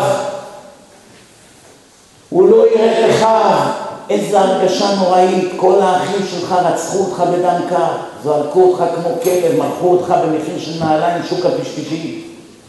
עשרים שקל כסף. נעליים made in China. איזה בושה. למי מוכרים אותך? לערבים, של המדיינים, מביאים אותך להיות עבד. לוקחים אותך למצרים, למכור אותך לזנות, נשים אותך באיזה בר. יש טרגדיה יותר גדולה מזאת? תלמיד ישיבה שלמד עם בחיר האבות, שהשם התגלה אל אבא שלו, שעם ישראל נקרא על שם אבא שלו, מוכרים אותו להיות עבד עכשיו בעזה. שם הוא ישרת איזה מוחמד אחד שם. נורא זה. אומרת לך התורה, הקדוש ברוך הוא ריחם עליו. שבאו הערבים, הם בדרך כלל מביאים דלק. אוי, נפט. הפעם הביאו בשמים, הדסים, מי שושנים, בשמים של פעם. שלא יצטער הצדיק. מה, עכשיו יש ליוסף, יש לו כמה ימי הליכה, עד שיגיע למצרים עם הגמל ככה וזה, אז מה, למזלו, במקום שיהיה בחביות נפט, שיהיה ריח של תחנת דלק, אז עכשיו יש לו ריח של מי שושנים. וואו, איזה הישג. בן אדם הולכים להכניס אותו בצינור כל החיים, חרב עליו עולמו, אכפת לו איזה ריח יש על הגמל עכשיו? זה כמו עכשיו באים משטרה, don't move! באים לך השוטרים הנאצים האלה מניו ג'רזי, שים את הידיים שלך מאחורה, רק אתה זז מילימטר, אגרופים, מכות. זה לא כמו בארץ, אהלן אחי, זוכר אותי מבית ספר גורדון? השוטר, אתה יכול לעשות טיפה איזה שוטר. מזרחי? גם אני מזרחי. מאיפה אתה? אה, אתה מכיר את ההוא? למה אתה עושה את המסע במקום שאסור? כבר הלך לו החשק, לך לפה. אותו הוא מגלה שאנחנו בני דודים.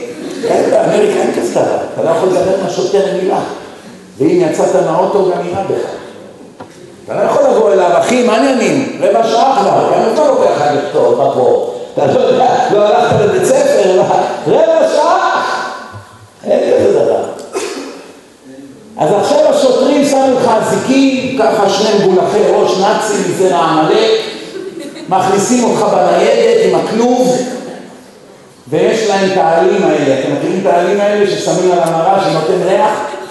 ריח של שירותים, של, ה... של הספרי הזה. ואומר לך שוטר, היי, ג'ובוי, יהודי, אתה רואה? שמנו לך בניידת ריח טוב שעד שמביאים אותך לצינור, שלא תסבול.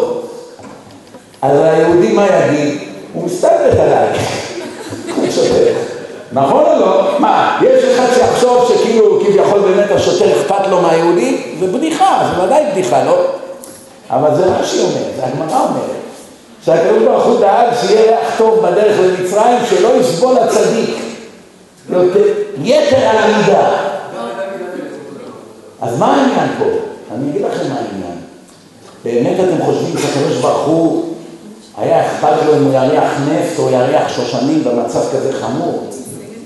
אלא הקדוש ברוך הוא בתוך הצרה תמיד מאותת לאדם, אל תתייאש, אני פה. Everything is under control. הכל פה בשליטה. עכשיו שיוסף ירד לבור, בשנייה שזרקו אותו לבור, הוא בעצם עלה להיות שליט של כל כדור הארץ ל-80 שנה, באותה שנייה. זה היה התחלת התהליך, כבר אז היה צריך לברך שהחיינו. למה? כל התהליך התחיל הרגע, השם החליט עכשיו בגיל 17, אני הולך לשים אותך מלך של כל כדור הארץ, שולט בכל הכספים, פרעה אמר לך רק הכיסא יגדל ממך, הנה החותמת. אתם יודעים מה זה? כל כדור הארץ מתחנן אליו לאוכל. הוא יחליט מי יקבל, מי לא, איזה עיר, איזה עם, כמה יעלה להם, איזה שטחים ייתנו, כהנים ייתנו, לא ייתנו, איזה כוח היה לו. אין, אין היום אף בן אדם שמתקרב לגרגיר לכוח שיוסף היה לו. ויוסף היה שליט 80 שנה, מגיל 30 עד גיל 110. אתם מכירים מישהו ששלט בכיפה 80 שנה? אין כזה דבר. אין אף אחד בהיסטוריה שעלה לכזו גדולה כמו יוסף הצדיק. ואיך זה התחיל? בשיא הטרגדיה. בשיא הטרגדיה, היום מתקשר אלינו אדם, הנה אבישי, תשאלו אותו אחרי הדרשה אם זה קרה או לא. היה שיחה ברמקול. הוא התחיל לספר לנו את הבעיות שיש לו, אני לא זוכר שדיברתי עם אדם עם כל כך הרבה בעיות. מה זה צרות? משפחה, ילדים, הורים, אסונות, מחלות, מומים, מה לא? ואיזה מאושר הוא היה, שאחרי שניתקנו את הטלפון, אמרתי לו, מה, נהיה לי חמישות הדעת. אדם כזה עם כל כך הרבה איסורים, כל כך מאושר מהדיסקים שהוא שומע יום יום ומתחזק שמונה שעות ביום שומע דיסקים באוטו, בעבודה שלו. והוא כל כך מאושר עם הצרות הנוראיות שיש לו, אם היה לנו רבע ממה שיש לו היינו משתגעים. אה, אמת או לא? ספר להם, הנה, תשאלו אותו, בעיה אחרי בעיה. אמר, ריבונו של עולם, הכל הבאת לבן אדם אחד, תחלק את זה בין כמה. מה הוא אומר? הגיע לי בטוח. כנראה שבגלגול שעבר עשיתי כל מיני דברים, והשם עכשיו בטובו ורחמיו מנקה אותי ממה שעשיתי. איך אומרים? כמו שיהודי כאשר צריך להיות. ואנחנו מתלוננים, כמו, כמו ביציאת מצרים, מתלוננים, רוצים בשר. תחזיר אותנו לאושוויץ, מתגעגעים לחצילים ולקישואים ולאבטיחים שהיה לנו באושוויץ. איזה אבטיחים היה לכם באושוויץ? בעטו בכם, הרגו אתכם במצרים, בעבדות, הרגו לכם ילדים, איזה אבטיחים. אפילו את הקליפות שהמצרי אכל לא היה לכם לאכול. במצרים, בגרמניה, אם יהודי נגע בתפוח אדמה, לא היה אוכל את זה הנאצי. זה היה לא לדעת. איזה השפלה. בן אדם שקוראים לו כהן הוא נכד של משה רבנו ואהרון ונאצי מזרע עמלק, חלאת המין האנושי, משוקץ ומתועב בעיני השם שמצווה להרוג אותו בדם קר והוא אומר לבן של משה רבנו, תזהר לו לגעת בתפוח אדמה יא טמא ולמה השם עשה את זה? כי הנכד של משה רבנו רצה להיות כמו אותו האנס, נכד של עמלק הוא התאמץ מאוד להיות כמותו אז השם אמר, אני אראה לך מה זה להיות כמותו. אתה נסיך בן שלי ואתה רוצה להיות כמו החלאה הזאת? הרי כתוב, אין גויים כמר מבלי, וכשחק מאזניים נחשבו. השם אומר ליהודים, עד מתי תהיו טיפשים ומטומטמים? עד מתי? הגויים בעיניי הם כמו הכמה טיפות שנדבקות בדלי, שאתה מביא מים מהנהר, יש לך עכשיו דלי מלא, אתה שופך אותו באמבט, עכשיו יש כמה טיפות שנדבקו בדלי, מה אתה עושה איתן? זורק את הדלי בצד. מחר, מחרתיים אתה הולך עוד פעם להביא מים, עוד פעם יהיו כמה טיפות, אתה זורק אותם לפח. אף אחד לא אכפת לו מהכמה טיפות האלה. אומר לך הקדוש ברוך הוא, הם העמים בעיניי זה הכמה טיפות, אמר לי לי, מה שהולך לזבל יחד עם הדלי. ואתם המים, וכשחת מאזניים נחשבו. מה זה שחת מאזניים? אתה בא לשוק הכרמל עכשיו, תן לי קילו מלפפונים. שם לך עשרה מלפפונים, הוא לוקח משקולת. שם על המשקל קילו. מתנדנד, יאללה, קילו. אם תיקח את המשקולת הזאת ותשים אותה על, מש... על משקל אלקטרוני, כמה יהיה? 998 גרם. לא יהיה אלף גרם, אף פעם. למה? הפינות מלמטה מתעגלות עם השנים. הקודקודים, הרי אתם יודעים איך המשקולות האלה נראות, יש להם שפיצים כאלה מלמטה. מרוב שאתה שם את זה על המשקל, מוריד, שם, מוריד, זה משתפשף. יורד איזה גרם או שתיים לפח, לזבל. יש איזה קליינט שאכפת לו שהמשקולת היא 999 או 997, אלא אם כן הוא חולה נפש. יש מישהו שאכפת לו, מישהו ייקח אותך לבית משפט על הגרם הזה שחסר במשקולת? לא, הוא מבין שזה נשחק עם השנים, נו מה. אומר לך הקדוש ברוך הוא יהודי, אתה המשקולת, הם הגרם הזה שהלך לפח. למה אתה כל החיים שלך עסוק בלהיות כמותם ולחקות אותם? מי הם בכלל? את יעקב אהבתי ואת עשיו שנאתי. לא תלכו בחוקות הגויים אשר אנוכי משלח מפניכם כי את כל התועבות האלה עשו הגויים ועקוץ בם. עקוץ מלשון קץ, ירדו לי מהעיניים, מה אתה עושה מסיבות סילבסטר, טיפש שכמוך?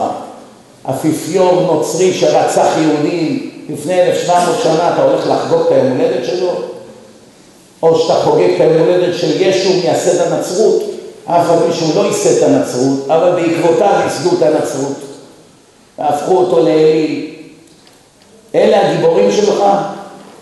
מתי חגגת פעם אצל רבי שמעון בר יוחאי או רבי עקיבא או אצל שאר הנביאים והגדולים? ביום הולדת שלהם עשית איזה מסיבה פעם? את מי אתה חוגג? מייסד הנצרות. שומעים? ככה זה, אין מה לעשות. היהודים מהרסייך ומחריבייך ממך יצאו. זה מבורות, אם אתה באמת תסביר להם. הם לא יודעים. קודם כל, הלוואי שזה היה נכון מה שאתה אומר. הלוואי. זה הגיוני מה שאתה אומר, אבל זה לא נכון. כי יש המון אנשים שאמרתי להם את זה והם עדיין הלכו למסיבה. אני אגיד לך למה. לא, רוב האנשים לא הולכים למסיבה בגלל שזה סילבסטר. בגלל שיודעים שתהיה מסיבה טובה והם יתפסו בחורה לעשות איתה עבירה. או מוזיקה טובה, או יש שם איזה סוחר שייתן להם איזה חומר טוב, כמו שאמרתם קודם. זה לא בגלל שזה עכשיו בראשון לינואר. זה לא מעניין אותם כל כך. רק הם יודעים שבתאריך הזה לצערנו הרב יש מסיבות טובות. תעביר את זה ליום אחר, אין לו בעיה. לא מתעקש דווקא על היום הולדת של יושקה. מובן? קורח בא והאשים את משה רבנו בהאשמה אחת, מי יודע מה היא? האשמה אחת עיקרית. אומר קורח למשה רבנו, למה אתה גאוותן?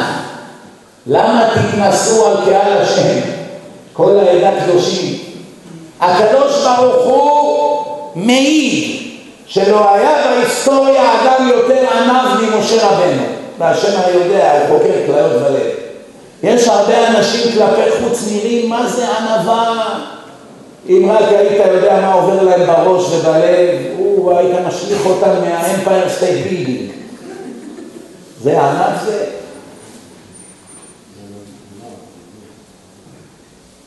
אתם מכירים את אלה שנכנסים לאולם?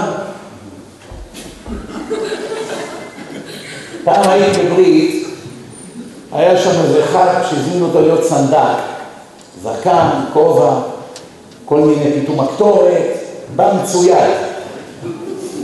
והיה שם אחד הבחורים, זכית להחזיר אותו בתשובה לפני איזה 18 שנה, באיזה איש עסקים, הבאתי אותו לגור במונסי. אז באותה תקופה הוא היה בא לשמוע את אותו אחד שהזמינו אותו להיות סנדק. עכשיו הייתה ברית בישיבה, נגמרה הברית, כל אחד קיבל מהסנדק את הברכה במהירות, והוא יושבים לאכול, אה? סעודה של ברית. את מי הוא תפס קורבן? את אותו בחור. שיחזיק לו את הסידור, את הפיתום הקטורת, כל מיני דברים שהיה לו, שיעמוד לידו ויחזיק. והיה לו איזה קלף, והיה אני עושה כוונות עכשיו. וכל המטרה של ההצגה הזאת, איך עכשיו הקהל והרבנים הראו שאני משהו מיוחד, אני לא סנדק רגיל. בא, יושב, מחזיק את התינוק, נותן קצת ברכות והולך. לא, אני משהו מיוחד.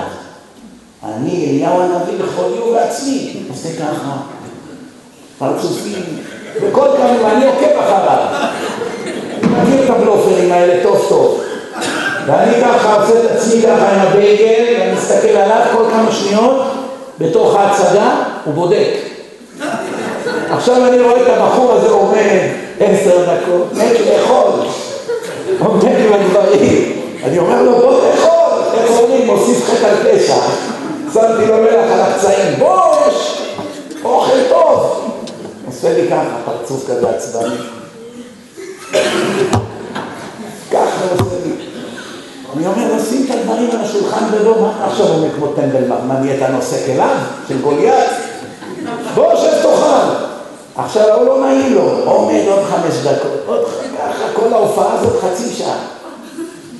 בסוף הוא התייאש, שם את הכל ובא לשבת. איך ששם את הכל, ההוא כבר ראה שההצגה לא עובדת, כאן. אחר כך התגלה שהוא פושע גדול כמובן.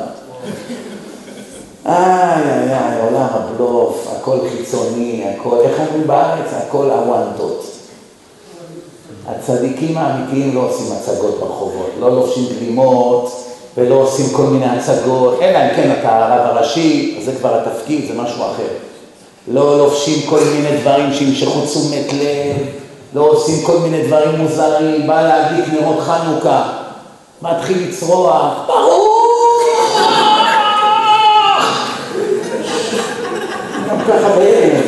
אותו! שלושת רבעי ככה, ישר לחר בערב, מה? ראית את הרגע? אדם נורמלי עושה את הדברים האלה. ראית פעם חכם בן ציון אבא שאול עושה את ההצגות האלה, או הרב חיים או הסטייקלר, או הרב עובדיה, או הרב אלישיב, או עוד מאה אלף צדיקים אחרים? מישהו מכם פעם ראה אותם עושים את ההצגות האלה? ראיתם פעם? ראיתם פעם איזה אחד מגדולי ישראל עושים דברים מוזרים? לעולם לא. לא תראה את הרב מזוז עושה את ההצגות האלה. גם לא את הרב שטיינמן, שיהיה בריא. הכל הצגות, הכל גאווה, סרוחה, כלפי חוץ הצגות, מבפנים הכל רקוב. זה לא מה שהשם מחפש, הוא מעדיף את האדם הפשוט, קובע עיתים לתורה, ישר, לא שקרן, לא גנב, שומר על הצניעות, שומר על הברית, מקפיד בשבת, עובד לפרנסתו אם צריך. מה יש יותר מזה? מקומו בגן מובטח, מתפרנס מעמל כפיו, לא מרמה אנשים, לא מרמה את הממשלה, אין לו 17 שמות, הגנב בעל 17 השמות, לוקח על השם הזה ולוקח על השם הזה, והצגות מפה, ומרמה את הממשלה, ביטוחים. העיקר, אני למדן, כל התורה שלו הולכת לסטרה אחת. תשמעו מה הוא כותב כאן.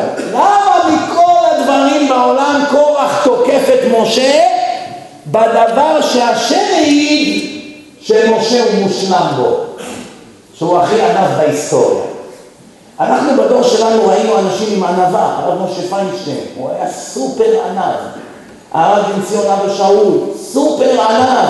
ענווה במדרגות שאי אפשר להאמין, אנשים השתגעו, מה? גדול עולם מסתובב ככה כמו ירקן ברחוב, עולה על האוטובוס, הרב וולבי, היו הרבה הרבה ענבים, והם לא מתקרבים לאחוז של אחוז של משה רבנו. עליהם לא נכתב בתורה שהם הענב מכל אדם, עם כל הכבוד להם.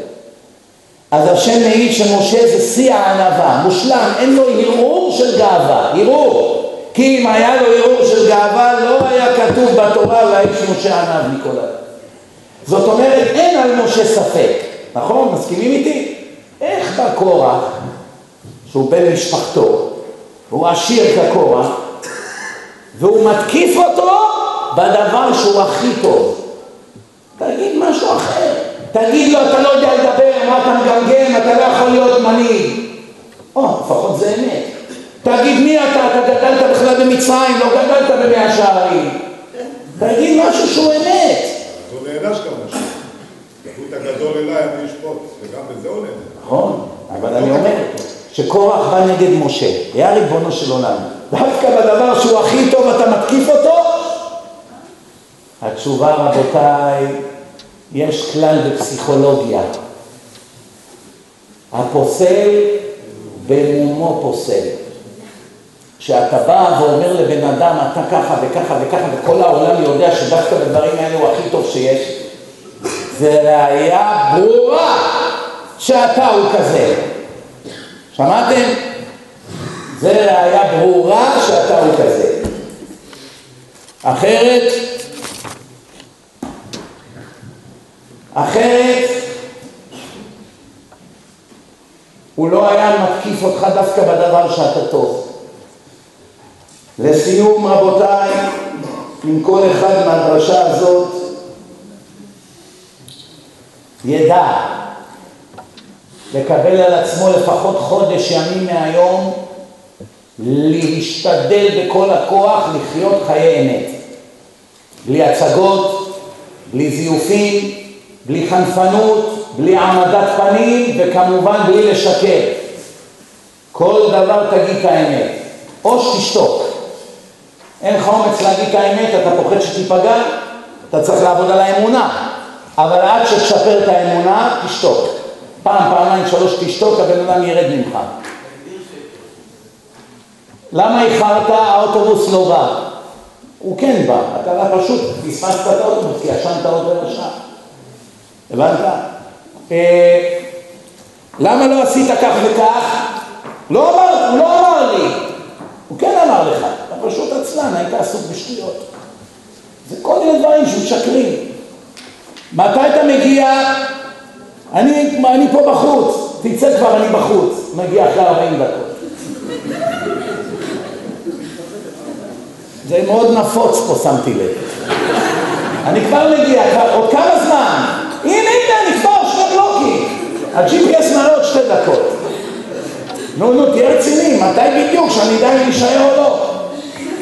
אני מכניס משהו לתיק ואני כבר מגיע. עוד שעה, עוד שעה. היה לי פעם אחד שהיה מתקן לי את המחשב, לא היה ולא יהיה אחד שני לו במחשבים. אין דבר שלא ידע בשניות לאתר את התקלה. גאון כזה במחשבים, הגאון מווילנה של המחשבים. רק הייתה איזו בעיה אחת קטנה. הוא היה אומר לי, מחר בשעה אחת בצהריים תהיה מוכן, אני בא. מתי הוא היה מגיע? שמונה בערב. כן, כן. נו, אתה מגיע, שולח לו אימייל. כן, כן, כבר אני מגיע. מה, כבר אחד וחצי? אל תדאג, אני בדרך. שתיים וחצי. נו, מה קורה? קצת התעכבתי, אני ממש עוד עשר דקות. תכין קפה. שים מים. ארבע כבר, כבר ללכת למנחה, נו מה יהיה? אה, תלך עד שתחזור כבר אני אגמור את המחשב. כן, תרבות השקר. אין חשש, אין יראת שמיים. יראת השם זה קודם להכל, רבותיי. משמיים משקיף השם, לראות היש משכיל, דורש של השם. יראת השם, ראשית חוכמה, יראת השם. אני רוצה לסיים בהודעה חשובה. ב-19 לינואר, זאת אומרת עוד 18 ימים, יש לנו פה סמינר במלון בנתניה. נשארו עוד כמה חדרים, הולך להיות שם חוויה עולמית, הרב יגאל כהן הצדיק הגאון, ואנוכי, וכבר יש הרבה אנשים שנרשמו, סמינר לחילונים. אם אתם מכירים אחים, אחיות, שכנים, חברים, לא יודע מה, שעדיין אינם שומרים שבת, מצווה גדולה לשלוח אותם לסמינר. הסמינר הוא זול מאוד, ומי שאין לו תקציב יסבסדו לו את רוב הסכום. זאת אומרת, אין שום תירוץ לא להגיע. בדרך כלל, סמינרים כאלה, הסיכוי שאדם יצא משם חזרה חילוני הוא קטן מאוד. אני אומר לכם ניסיון.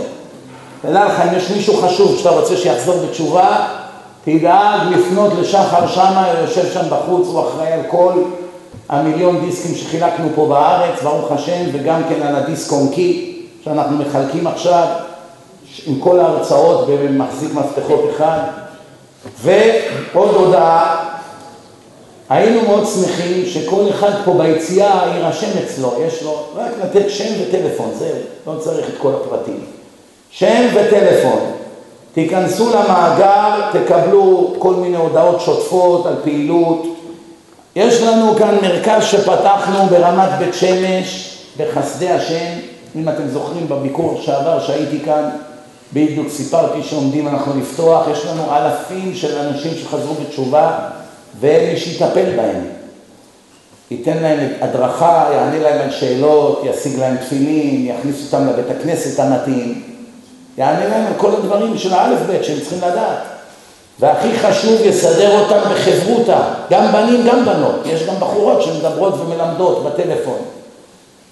הייתי שם השבוע, כשזה נפתח, אני הייתי בחו"ל. הגעתי לשם, בלילה הראשון הלכנו לשם, לראות את המקום. אחד הבחורים שם שמטפל בציבור, פתח לי את המחשב שלו, התחיל להראות לי תוך חודש וחצי, חודשיים מהרגע שפתחנו את המרכז, רק אצלו. יש שם יותר מ... בערך 15, אולי יותר אפילו, אנשים שעונים לטלפונים כל הזמן ומדברים עם אנשים מהבוקר עד הלילה. רק הוא לבד, הוא הראה לי את המחשב שלו עם החץ. התחיל להריץ שמות, מעל 500 שמות היה לו שם. הוא לבד, 500 שמות, אומר לי, אתה רואה את כל אלה פה? כמעט כולם באו מהדיסקים שחילקת. 500 איש, זה כבר שומר שבת, זה כבר זה, זה כבר התחיל, זה עזב את הגויה, זה ככה, זה... ותראה, תראה כמה אנשים, זה יבוא לסמינר, זה ככה, זה סידרתי לו חברותה, זאתי סידרתי לה רבנית, זה שמנו לו מזוזות, זה לא היה לו כסף לתפילין, ארגנו לו תפילין. כבוד הרב, אם אפשר להעיד באמת גם להתקשר אליי, גם אני את הדיסק עם בחור בשם עמוס, עושה חסד, נוצר לי חברותה, גם אם קטטר ענייני מרחק, הכל. עוזר בכל נושא אפשרי. תודה רבה שחיזקת את דבריי. יש, ברוך השם, כבר אלפים כאלה, בתקופה קצרה מאוד. אנחנו עובדים, תאמינו לי, קשה מאוד. יש לנו, ברוך השם, מתנדבים, צוות, מסור, השם שלח לי.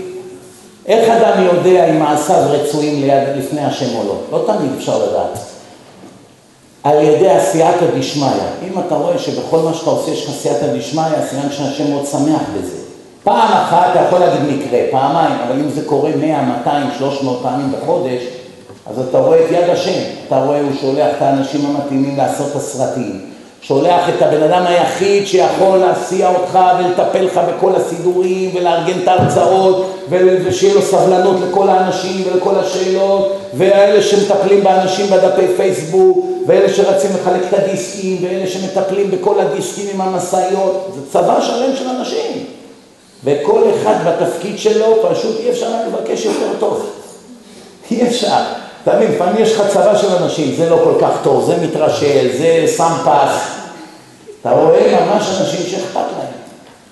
יש את יואל, שיהיה בריא, הוא בא עם הדוכן, עומד בחוץ, אנשים תורמים כסף. בכסף האלה אנחנו עכשיו מתחילים מבצע של חצי מיליון דיסקים. נגמרו לנו המיליון, כל יום אנשים מבקשים אלפי דיסקים, אין לנו דיסקים. נעשה בעזרת השם עוד, עוד, עוד חצי מיליון, עוד כמה אלפים יהפכו לשומרי מצוות. כל מי שרוצה בזה חלק מכספי מעשרות, יפגוש את יואל ביציאה בדוכן, שחר שמאי לסמינר, וגם להירשם בעתיד, כל פעילות שעושים, כל מה שיהיה, אתם תהיו אצלנו, יש לנו, ברוך השם, קרוב ל-200 אלף איש בדפי פייסבוק. יש לנו כמה דפים, אחד 100 אלף, אחד 12 אלף, אחד 23 אלף, אחד 28 אלף, חבר את כולם 200 אלף איש במדינה כזאת קטנה, זה לא פשוט. והרבה מהם כל הזמן מחוברים לתורה. כל שעה מקבלים דברי תורה, סרטונים. יש לנו מאות של אה, וואטסאפ group. כל אחד 250 איש, 300 איש, לא יודע כמה יש שם. זה הולך למאות של קבוצות. כל אחד משתף בקבוצות. אנשים מחוברים לתורה מסביב לשעון. כדאי להצטרף למאמץ הזה, שכולנו ביחד נזכה כמה שיותר יהודים. תודה רבה למארגנים של הערב, ברוך ה' לעולם, אמן ואמן. לזכות ישראל, שנאמר אדוני חפץ למען צדקו יגדיל תורה ויאדיר.